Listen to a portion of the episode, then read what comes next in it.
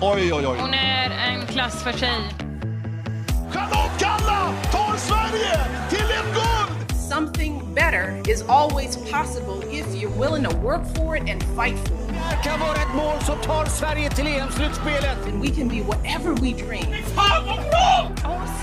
Sliter, hon sliter. People see us for who we truly are. Jag började och inte tjejer fick spela fotboll. They too will be inspired. Helt plötsligt står jag här som förbundskapten för det svenska damlandslaget. 05, startfil. Vilken nagelbitare, vilket drama!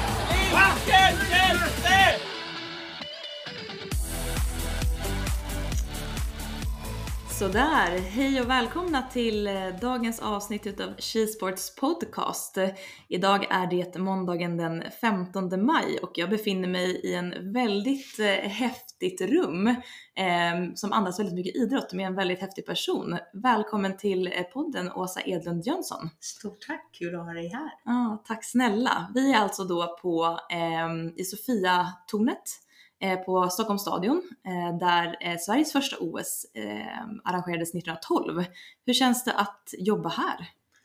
Ja, men det känns eh, häftigt tycker jag. Det är coolt att komma till jobbet och titta upp på de olympiska ringarna i guld varje morgon när man kommer. Så det känns väldigt eh, stort. För mig är ju OS det, det absolut största inom idrotten och, och få vara med och leda den verksamheten i Sverige. Ja, men det känns mäktigt.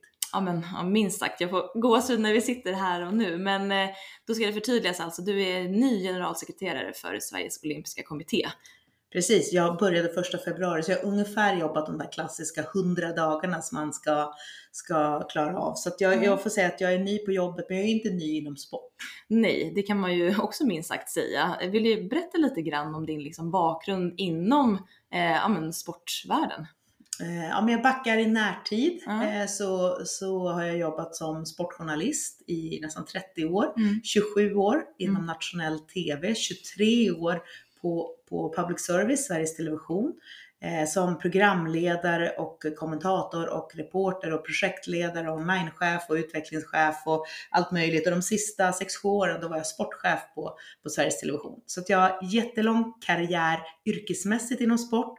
Eh, sen har jag alltid älskat sport. Alltså Ja. Det var min passion från när jag var, var liten. Så jag själv liksom gick iväg på fotbollsträningar och, och eh, basketträningar och, och volleyboll och liksom Mm. allt möjligt eh, när jag var liten. Mm. Så det kommer egentligen då från, från din uppväxt, det här sportintresset. Eh, och du kommer ifrån, Jag kommer från hockeymetropolen Örnsköldsvik. just det, ja, Ja, vi har ju en, en medlem i podden, eh, Matilda Holmberg, som också är i, från Övik-trakterna. Hon kan ju också skriva under på det här med att det föder ett, ett brett idrottsintresse. Vi har pratat mycket om det i podden också. Ja, men det är Övik är ju en, eh, det är ju inte en stad som har ett lag, utan Mm. det är ju ett lag som har en stad. Alltså, Mm. Det är ju som Modo är, är nummer ett och Övik är, nummer två Ja. nästan. Ja men gud, jag kommer från Leksand så jag kan liksom lite förstå, förstå det konceptet. Men liksom, ehm, vad började du med? Var det liksom att du idrottade själv? Eh, liksom uppe i Övik, så att du började liksom tidigt att sporta själv och sen så höll du på med det tills du var vuxen. Ja men alltså idrott, idrottsintresset fanns hemma, så vi tittade Mm. alltid jättemycket på, på liksom sport på TV. Mm. Mina föräldrar var inte aktiva själva, men jag ville liksom utöva sport. Mm. Mamma tog med mig på, vi åkte mycket längdskidor och Mm. jag var med min första längdskidtävling när jag var tre år. Sen, Mm. sen, sen var inte det någon karriär för mig. Men sen så, så spelade jag fotboll jättemånga år. Mm. Eh, spelade en del basket, men jag skulle säga volleyboll blev Mm. den sport jag gjorde mest och eh, längst. Mm. Absolut inte med någon, med någon stor framgång. Eh, vi spelade i division 2 som, Mm. som bäst, Mm. men ändå. Det var liksom det man gjorde i, i eh, veckorna. Så att jag har gjort massor med sport. Jag är inte speciellt bra på något, men jag kan göra de flesta sporter. Mm. Det är det som är det fina med sport. Alltså så här, du kan ju i princip ja, göra vad du vill och hur länge du vill. Alltså just nu i Sverige så det är en folkrörelse liksom och jag tycker att det är härligt att man kan ja, delta utifrån bästa förmåga helt enkelt. Mm. Mm. Och sen har ju jag fått en hel yrkeskarriär inom sport tack vare sporten. Ja, Så att eh, på så sätt är, har ju sporten betytt allt för mig. ja, ja, men du skulle säga det då att liksom, när du sen liksom slutade idrotta själv, hur kommer det sig att du sökte dig mot, mot sportbranschen och vad, vad var det som fick in dig liksom på ditt första jobb? Men när man uppväxt i Övik så, så är det lite, det är fokus på sport men också fokus, det är en arbetarstad. Man är van att jobba och kavla upp Mm. ärmarna och göra ett bra jobb. Så det fick jag med mig hemifrån. Så att det var ju inte ett alternativ att skaffa sig en idrottskarriär utan alternativet var ju att skaffa sig en yrkeskarriär. Mm. Eh, så att när jag började på, på gymnasiet då började jag skriva artiklar för Örnsköldsviks Allehanda som, som frilans. Mm. Började skriva liksom herrlagets volleybollmatcher när jag ändå var iväg med damlaget och de, de tillfällena eh, möttes. Och sen fick jag börja skriva hockey som egentligen var min största passion. Mm. Eh, och så, så växte det från det. Att jag ville bli journalist, det visste jag tidigt. Eh, jag kanske var 7-8 år så visste jag att jag ville bli journalist. Okej. Så, så, Ja. att, så att jag lyckades förena mina två stora intressen, sport och journalistik och få, få ett yrkesliv inom, inom det helt enkelt. Ja, det låter helt fantastiskt. Det är någonting som man själv också gärna skulle liksom vilja göra och lite det man kanske gör nu med den här podden Mm. förhoppningsvis. Så det ser ju eh, verkligen härligt ut. Men jag skulle vilja eh, veta lite mer om dina alla år på SVT. Eh, hur, ehm, för jag vet att liksom, du har ju haft många roller och det skulle ta lång tid att prata om det. Men jag skulle framförallt vilja prata om din tid som sportchef. För jag eh, har ju sett själv och eh, SVT har haft en uttalad liksom, satsning på jämställd idrottsrapportering. Eh, eh, hur uppstod det initiativet?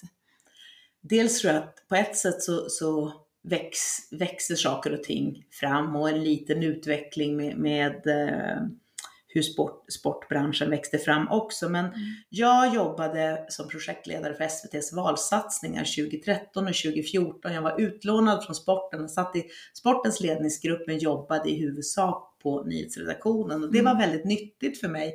För då tittade jag på min egen verksamhet, sportverksamheten utifrån med lite fräscha ögon.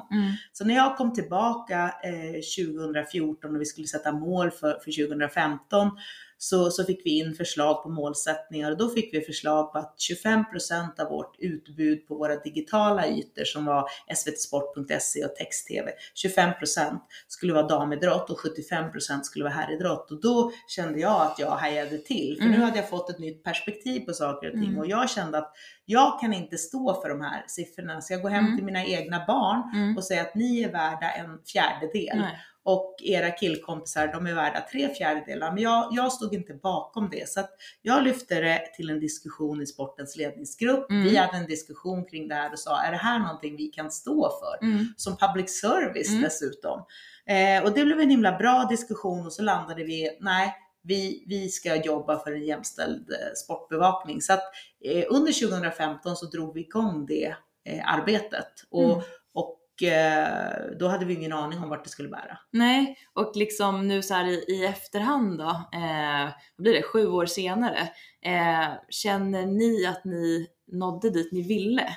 Eh, när du slutade, kände du så här att okej, men det var värt den satsningen gentemot både liksom svenska folket som en public service institution och också mot kanske intressenter då? Ja, men lite kan jag känna, varför gjorde vi det inte tidigare? Mm. Det är väl den första tanken, att man nästan tycker att det är genant att vi inte kom på att vi skulle göra det här och började med det tidigare. Men, men då ska man ju veta att vi var först i världen med den här tanken Mm. ändå. Trots, det finns ju ingen annan redaktion, sportredaktion i världen som har 50-50 en jämställd sportbevakning Mm. som ett uttalat mål. Och vi lyckades ju gå då från 20-25% eh, damsport till i stort sett 50-50 på fem år. Så jag brukar prata om det, alltså på fem år Mm. så kan du förändra, om inte världen, så i vårt fall förändrade vi ett journalistiskt DNA Mm. som hade funnits i 60 år. Det kunde vi ändra på fem år. Mm. Så att eh, det är väl som ett medskick till alla. Vart står du idag och vart vill du befinna dig om, om fem år? Mm. Och det kan faktiskt hända. Det tycker jag är häftigt. Fantastiskt, ja verkligen och det märker man ju liksom nu i SVT, liksom det centrala navet i att dra och synliggöra damidrotten liksom framåt. Men vilka var de första målen ni satte upp utöver liksom fördelningen då 50-50? Vad behöver man sätta upp för mål för att lyckas med en sån här sak genom en så stor organisation som SVT Sport är? Ja, men det var nyckeln, att det fanns bara ett mål. Och Ja. det var 50-50. Ja. Och det var ett supersvårt mål. Men mål ska vara svåra, för när mål Mm. är svåra, då blir vi mer ihärdiga. Mm. Eh, då får vi kämpa hårdare för att lyckas. Så Mm. att ett svårt mål är är bra. Mm. Och att det var så tydligt. Och trots att det var så tydligt tyckte jag, Mm. så fanns det personer på redaktionen som kom efter två år och som verkligen hade brunnit för det här och längtat efter det här som ändå tittade på mig och sa men alltså Åsa, menar du 50-50? Alltså på riktigt? Jag bara, ja men du har ju jobbat med det här i två år. Jo men det känns nästan surrealistiskt att vi pratar om det på det sättet. Så det var det viktigaste, att, att sätta målet. Mm. Sen den andra delen som var superviktig, det var att vi började mäta allting Mm. som vi gjorde. Mm. Ingen magkänsla utan ren och skär fakta. Så vi mätte antalet eh, inslag i Sportnytt och antalet artiklar på sajten och antalet postningar i sociala medier. Vi mätte liksom allt vi kunde mäta. Vi har säkert mätt för mycket, Mm. alltså överdrivet. Mm. Men det var ändå ett bra sätt för då kunde ingen eh, trumfa någon annan i samtalet så här. Jo, men va, ska vi göra den här damidrotten idag? Vi gjorde det ju förra veckan. Mm. Så kunde det ju låta tidigare, men nu var det så här, nu kunde vi ju se, nej men vi gjorde bara 28% förra veckan. Mm. Vi ska ju upp till 50, hur Mm. tar vi oss dit? Så vi fick ett helt annat kvalificerat samtal och sen just utvärderingen av siffrorna.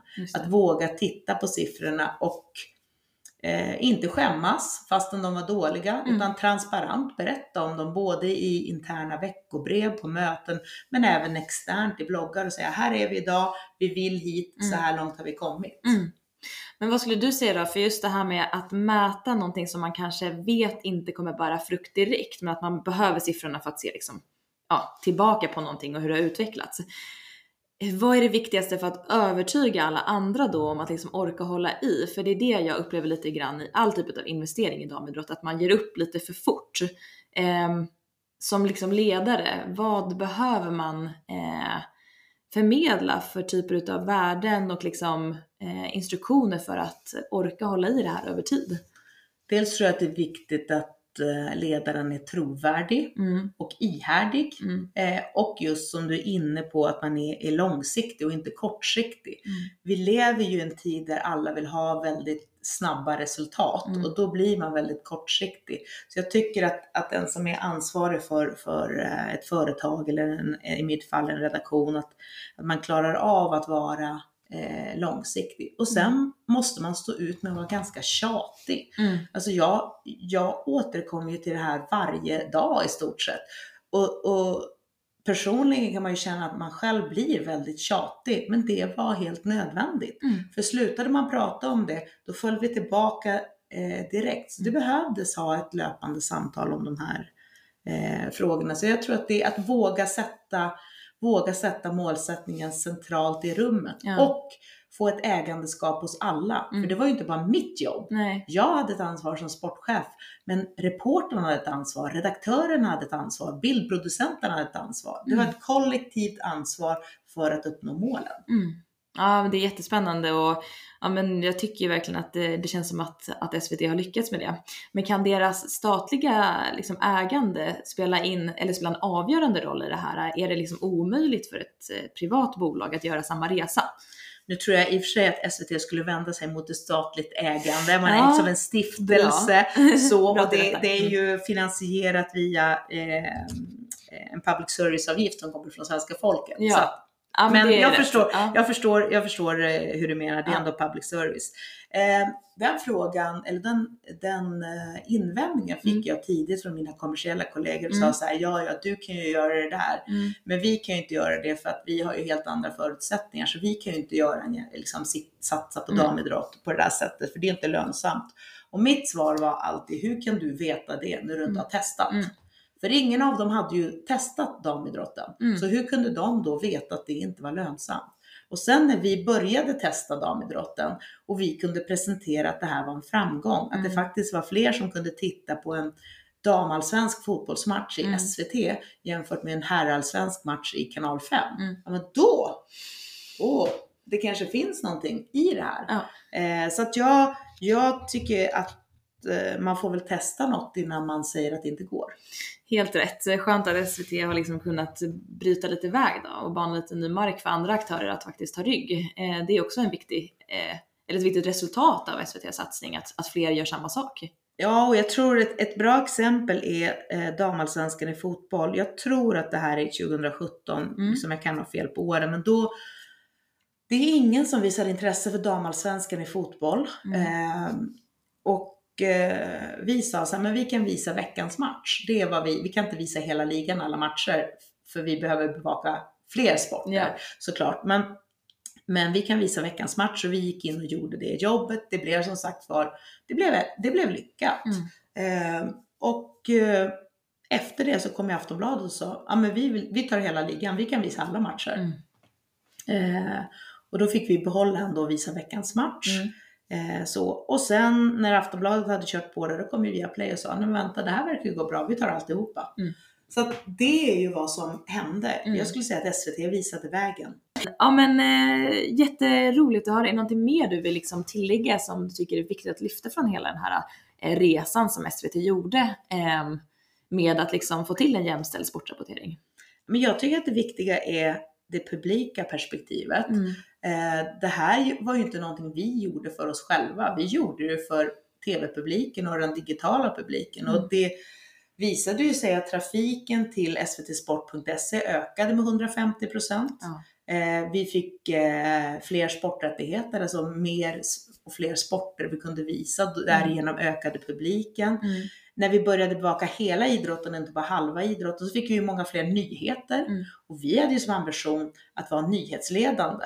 Och genom att bevaka både herr och damidrott så kunde vi naturligtvis ha fler nyheter jämfört med konkurrenterna. Mm. Så jag skulle bara säga att det fanns ju bara vinnare på en jämställd sportbevakning. Mm. Och vi hade ju tittare som kom tillbaka till våra sändningar som sa vi hade slutat kolla. Ja. Hej, we're back. Eh, så att jag, jag tycker bara det finns vinnare i det hela. Och eh, vi ser ju idag att nu hakar ju alla andra på. Ja. Fantastiskt att få liksom, även om du eh, uttryckte att du tyckte att det var sent så var ni ändå en föregångare och det måste ju vara häftigt att se tillbaka på det på det sättet. absolut, absolut. Så det är aldrig för sent. Nej, ja, men jag menar det. Eh, jag skulle vilja prata lite med dig om din eh, roll som tidigare medlem i Eurovision Sport Expert Group for Women's Sport. Eh, berätta bara lite kort vad det är för någonting. Eh, Ja, men det, det är en, en grupp inom EBU. EBU är European Broadcasting Union som består av, av eh, en sammanslutning, världens största sammanslutning av, eh, tv-bolag och där är europeiska tv-bolag. Och där samarbetar vi bland annat runt eh, sporträttigheter. Mm.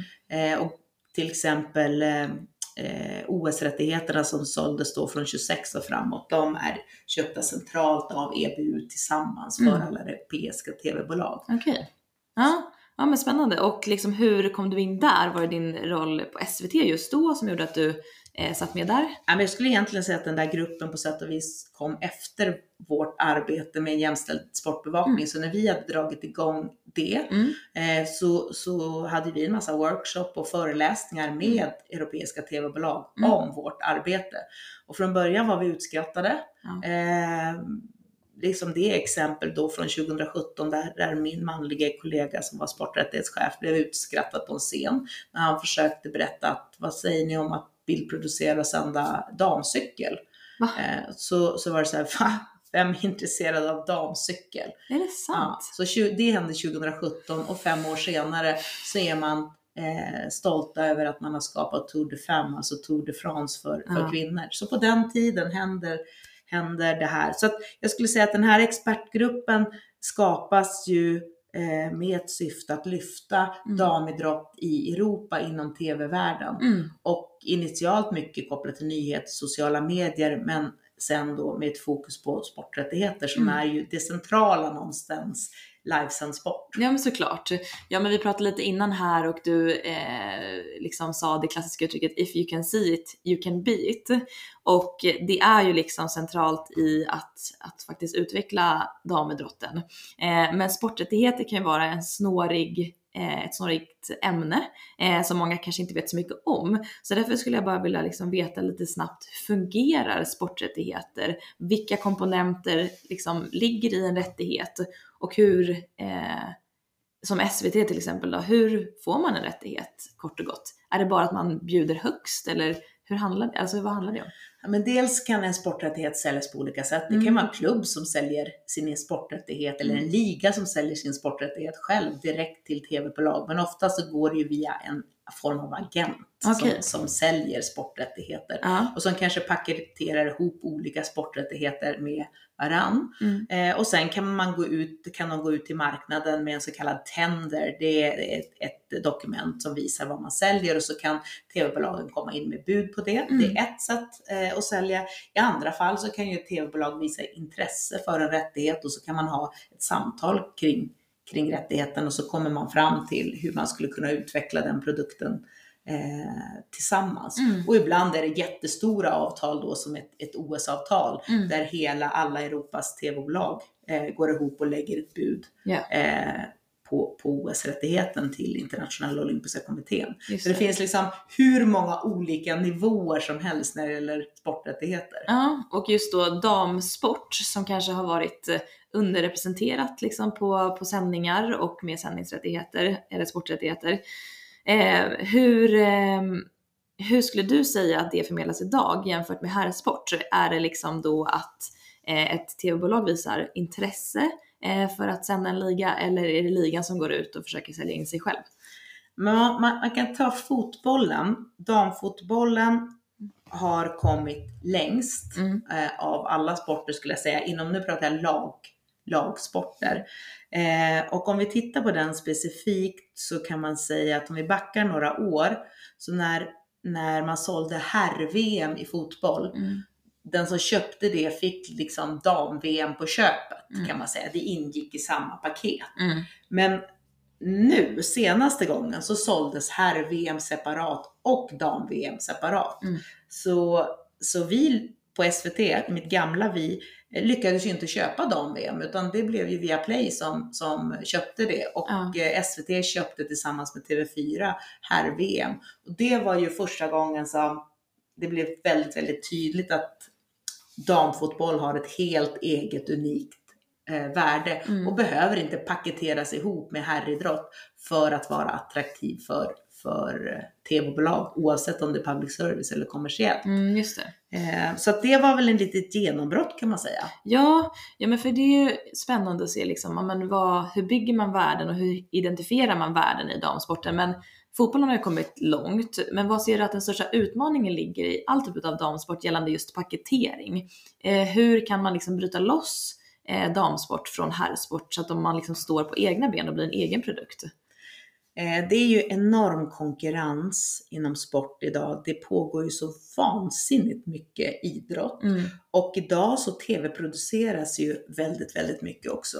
Och det gör att om jag tar återigen lagsport på damsidan eh, så, så hamnar damsporten i väldigt hård konkurrens med herrsporten. Mm. Och damernas eh, matcher kanske går på lite sämre tider, lite sämre arenor med en lite sämre inramning. Mm. Så det blir inte lika attraktivt att titta på i en tv-tittares ögon, Mm. även om produkten på isen eller planen Mm. är, är bra.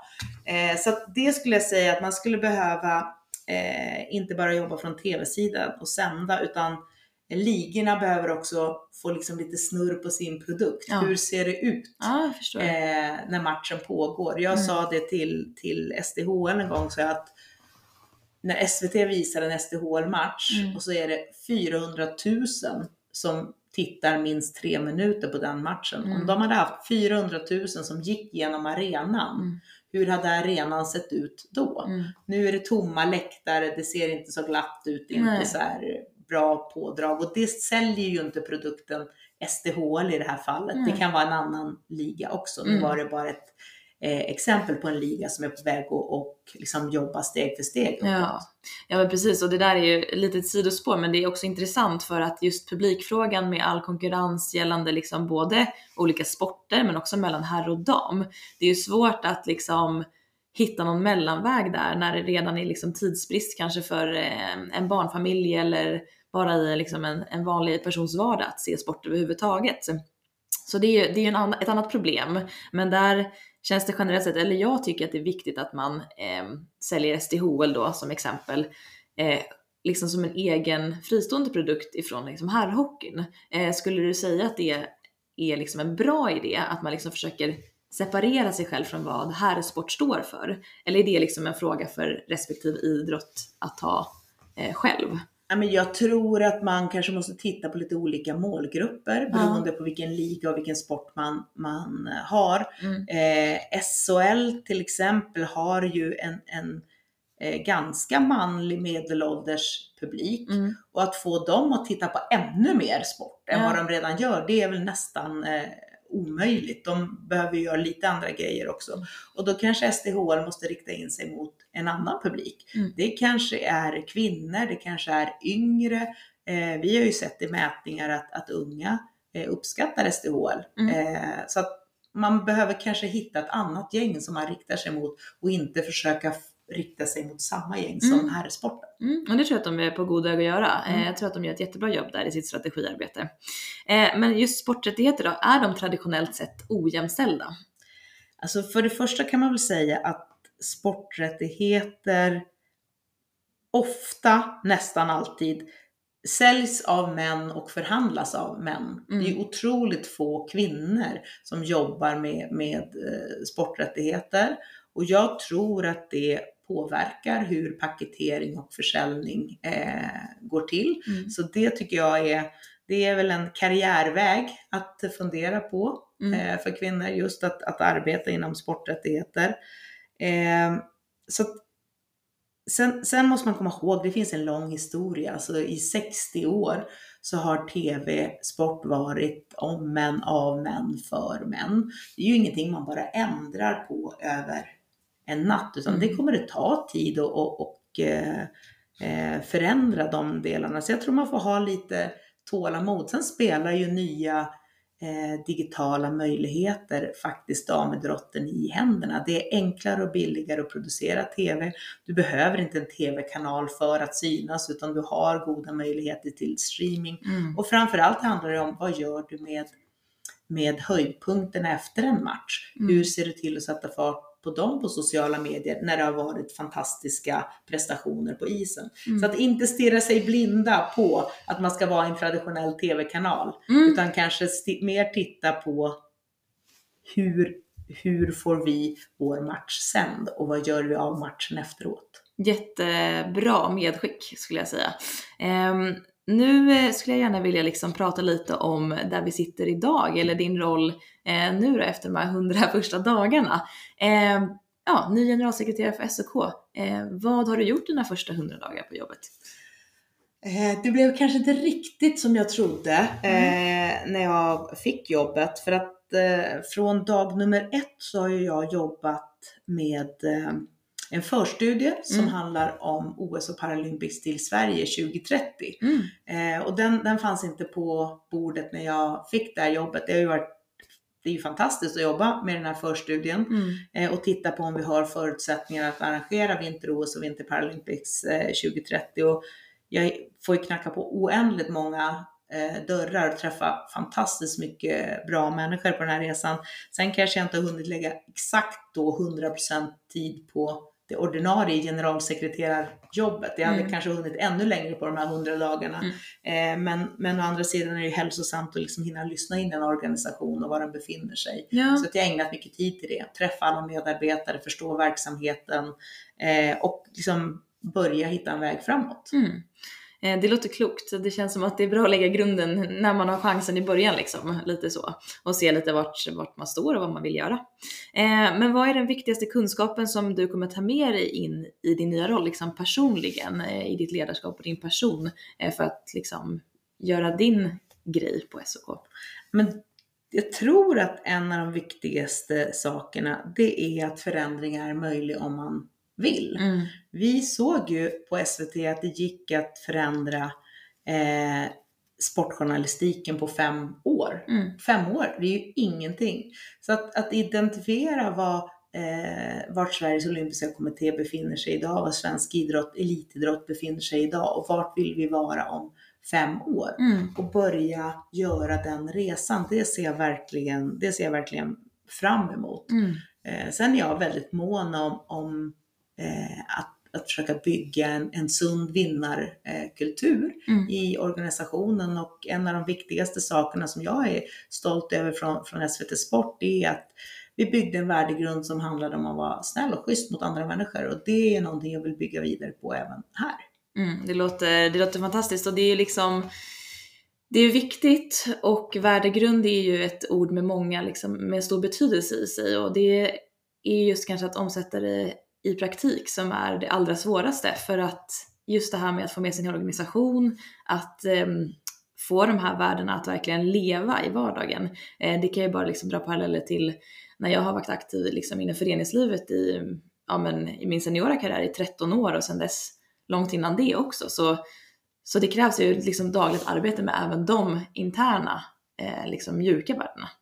Men jag tror att det är precis som att vara eh, idrottare, elitidrottare. Alltså Mm. man måste göra ett jobb varje dag. Mm. Och det är det jobbet man gör varje dag som till slut aggregerar ihop till något fantastiskt resultat. Och så är det ju med kulturen på, på eh, en arbetsplats också. Hur man beter sig mot varandra varje dag Mm. aggregerar ju upp någonting som, som bygger viet i den gruppen. Och det tycker jag är det mest fantastiska är ju om man kan vara snäll och schysst mot varandra. Och dessutom om man rent krasst. Det är de lagen som har de största framgångarna. Och som sagt var, jag vill bygga en sund vinnarkultur. Ja, det låter, låter helt fantastiskt. Men om man ska liksom prata lite mer utifrån vad många skulle säga är mjuka värden, men som jag eh, hoppas också kan vara ett hårt värde, är ju jämställdhet och jämlikhet. Hur jobbar SOK med det? Eh, rent liksom, eh, inte internt då, eh, för det vill prata lite om, men utåt sett liksom med sina eh, produktioner och arrangemang. Jag tror att vi kan eh, göra mer kring de här eh, delarna. Mm. Eh, I Paris, OS i Paris eh, 2024, så kommer eh, OS för första gången att vara helt jämställd. Eh, och det är inte bara ur ett svenskt perspektiv utan ur ett internationellt perspektiv. Så, Mm. så 5250 idrottare är kvinnor och 5250 idrottare är män. Mm. Och det är ju superhäftigt. Det tog 128 år Ja. att komma dit, men hej, Ja. det gick. Ja. Eh, jag tycker att nästa steg i alla fall eh, för, för Sveriges Olympiska Kommitté och svensk idrottsrörelse, det är ju kvinnliga tränare. Mm. För det är ju ett område där, där det finns massor med mer jobb att, att göra. Till eh, sommar-OS 2021 då skickade eh, Sverige 76 tränare och förbundskaptener och 18% var kvinnor Mm. och 82% var män. Mm. Och i vinter-OS 2022 så tror jag det var 11% kvinnor och 89% män. Och lite det vi var inne på tidigare, if you can't see it, you can't be it. Mm. Och, och om man inte ser några kvinnliga tränare, hur ska man då som kvinnlig aktiv se att tränaryrket är en framtida karriärväg? Ja. Och om vi har jämställda olympiska trupper eh, så är det väl rimligt att, att eh, eh, det finns fler kvinnliga ledare Ja. för de trupperna. Så det tycker jag är ett jobb som är viktigt. Vi har påbörjat det. Vi har ett arbete som heter Projekt Q. Det är Mm. 23 kvinnor från 16 olika idrotter som är Mm. inne i det, som handlar om, om tränaryrket och hur man kan stötta varandra och de går ett, ett program och det kommer vi fortsätta att utveckla vidare. Men vi behöver ju också Eh, SOK kan ju göra ett jobb, men här behöver vi vara helt i takt med idrottsrörelsen i övrigt, för det handlar ju om de här kvinnorna sen, hur deras hemmamiljö ser ut Ja. och vilka förutsättningar de får ut i sin klubbmiljö Mm. Eh, och hur de lyfts där. Mm. Eh, så det är ett stort jobb som vi måste göra tillsammans som svensk idrottsrörelse, men ett jätteviktigt jobb. Ja, men jag håller helt och hållet med. Ehm, och liksom SOK har ju också en del i IOK. Eh, vilken roll eh, skulle du säga att liksom SOK har i den internationella olympiska rörelsen? Eller vilken roll tar man? Vilka frågor är man liksom eh, lite bättre än alla andra länders liksom, olympiska organ på och vilka kan man liksom försöka jobba lite mer på? Tyvärr är vi lite bättre när det gäller kvinnliga tränare. Okej, ja. Ja, Jag och, och då, Mm. då, då hör du ju själv. Mm. Då har vi ett jättestort jobb att göra, men då har världen ett ännu större jobb att göra. Mm. Så jag tänker att om vi får snurr på den delen, Mm. eh, så hoppas jag att vi kan bidra och, och visa vilka metoder och vilka sätt vi har arbetat på för att förbättra den sidan. Mm. Så att det är väl en, en sak. Sen, sen tänker jag kring safeguarding inom sport, alltså en trygg eh, idrottsmiljö för, Ja. för aktiva. Ja. Eh, där hoppas jag att vi ska kunna liksom förstärka vårt arbete och på sikt också även bidra, bidra mer eh, internationellt och sen bara kopplat till värderingsfrågor som som eh, demokrati, mänskliga rättigheter, jämställdhet, inkludering som är starka svenska värden och som tyvärr inte är lika starkt överallt runt om i världen. Vi ser demokratiindex är på väg ner. Att vi när vi tävlar i blågult visar att vi står för någonting Ja. eh, som, som handlar om, om en inkludering av alla människor. Det är fantastiskt att du säger det och liksom det finns ju en eh, pågående diskussion om att idrott och politik, om man nu vill liksom klassa mänskliga rättigheter som en politiskt laddad fråga, inte hör ihop. Men OS förmedlar ju ofta eh, någonting annat, alltså så här att nu är man ju inte, man är politiskt obunden självklart, men man vill gärna liksom lyfta frågor som mänskliga rättigheter och jämställdhet. Eh, hur skulle du säga liksom att idrotten generellt sett bör ta ställning till eh, frågor som inte är rent sportsliga, om du förstår vad jag menar? Men IOKs vision och även eh, SOKs vision är ju att bidra till en bättre värld genom idrott. Eh, och det är ju att, att det kan ju vara att skapa mötesplatser Mm. där människor från olika länder, eh, olika bakgrund, olika religion faktiskt möts på en tävlingsarena som ett olympiskt eh, spel. Och så får man hoppas eh, att det för någonting gott med sig framåt. Mm. Att man kan mötas trots sina olikheter. Eh, om det kommer att förändra världen? Nej, kanske inte, men förhoppningsvis bidrar det just till en bättre värld att föra oss i rätt riktning. Mm. Istället för att polarisera oss så försöker vi eh, mötas kring någonting som är viktigt, idrotten. Med de orden så skulle jag verkligen eh, vilja tacka dig och liksom sätta lite punkt för det här avsnittet. Jag tycker att det var otroligt eh, fint sagt och eh, jag tycker det är någonting som man ska ta med sig vidare i all typ av idrottsliga engagemang man gör. Eh, så stort tack för att du var med och gästade eh, podden idag, Åsa. Stort tack för att jag fick vara med Ja. och varmt lycka till framåt! Tack så mycket. Oj, oj, oj. Hon är en klass för sig. Charlotte Kalla tar Sverige till ett guld! Something better is always possible if you're willing to work for it and fight for it. Det här kan vara ett mål som tar Sverige till EM-slutspelet. And we can be whatever we dream. Fan vad bra! Hon sliter, hon sliter. People see us for who we truly are. Jag började och inte tjejer fick spela fotboll. They too will be inspired. Helt plötsligt står jag här som förbundskapten för det svenska damlandslaget. 05, startfil! Vilken nagelbitare, vilket drama! Vilken hjälte!